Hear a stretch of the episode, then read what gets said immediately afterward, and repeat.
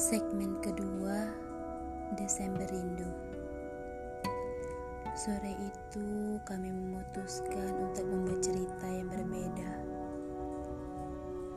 Sebuah cerita yang tidak mengalir dengan rasa. Kami berjalan di antara cerita yang diciptakan oleh kami sendiri. Sedangkan aku membuat cerita tentang samudra yang membasahi gersangnya dadaku.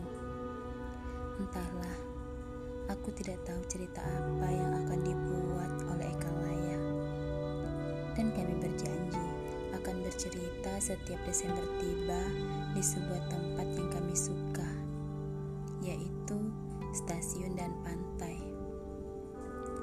Aku tidak tahu alasan Eka memilih stasiun dan pantai sebagai tempat untuk menceritakan cerita kami. Suatu sore, Eka berkata bahwa di stasiun dan pantai ada banyak hal yang membuat sebuah cerita menjadi lebih dari cerita. Aku tidak paham dengan perkataan itu, tetapi dia memahami ketidakpahamanku. Di sana akan kita temukan sebuah alegori yang beragam katanya. Jika kamu mau menulis di sana, akan ada banyak sesuatu yang akan membuat tulisanmu disukai banyak orang. Katanya kembali, aku hanya menikmati setiap yang ia katakan.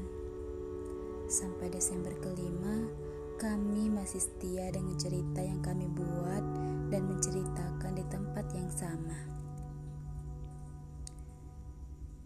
Eka, rasanya jalan ceritaku sudah mulai berbeda dengan jalan ceritamu.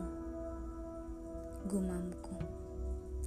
Sore itu, aku yang memilih untuk menjadi yang pertama dalam bercerita. Eka mengangguk dan memberiku ruang untuk memulainya. Dengan dada yang berdebar, aku mulai bercerita. Aku berharap Eka tidak kaget atau marah, bahkan menyesal dengan ceritaku saat ini. Perlahan aku bercerita tentang alur hidupku yang sudah ada pemeran lain dalam ceritanya. Ia berperan sebagai tokoh utama yang mengisi alur ceritaku setiap waktu. Mendengar ceritaku, Eka hanya mengembuskan napas dalam-dalam. Dia tidak bertanya atau berkomentar mengenai ceritaku sampai aku selesai. Maaf Eka, aku tidak bisa menjadi Anggraini dalam ceritamu. Itulah akhir dari ceritaku sore itu. Debar dadaku semakin tak menentu. Aku melihat Eka masih diam ia menoleh dan menatapku perlahan dan tajam. Aku semakin keluh. Mataku seakan nanar untuk menatapnya. Mia, aku tidak pernah memintamu untuk menjadi Anggraini dalam ceritaku. Aku tidak berhak untuk itu.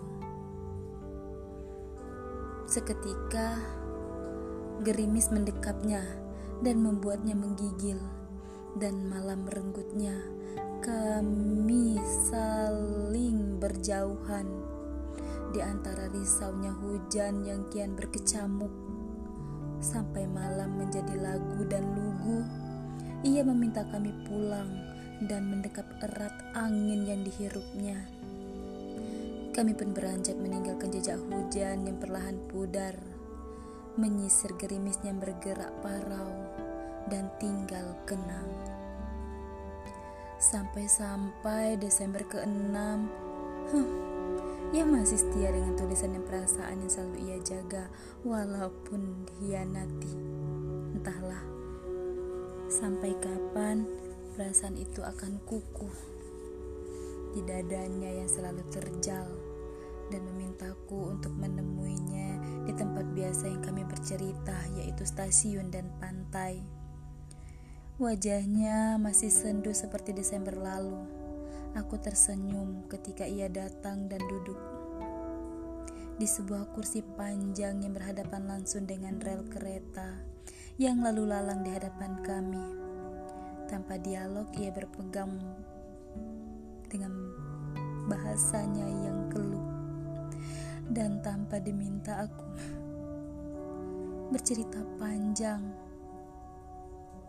dan dia setia mendengarkannya tanpa berkata dan mengomentarinya.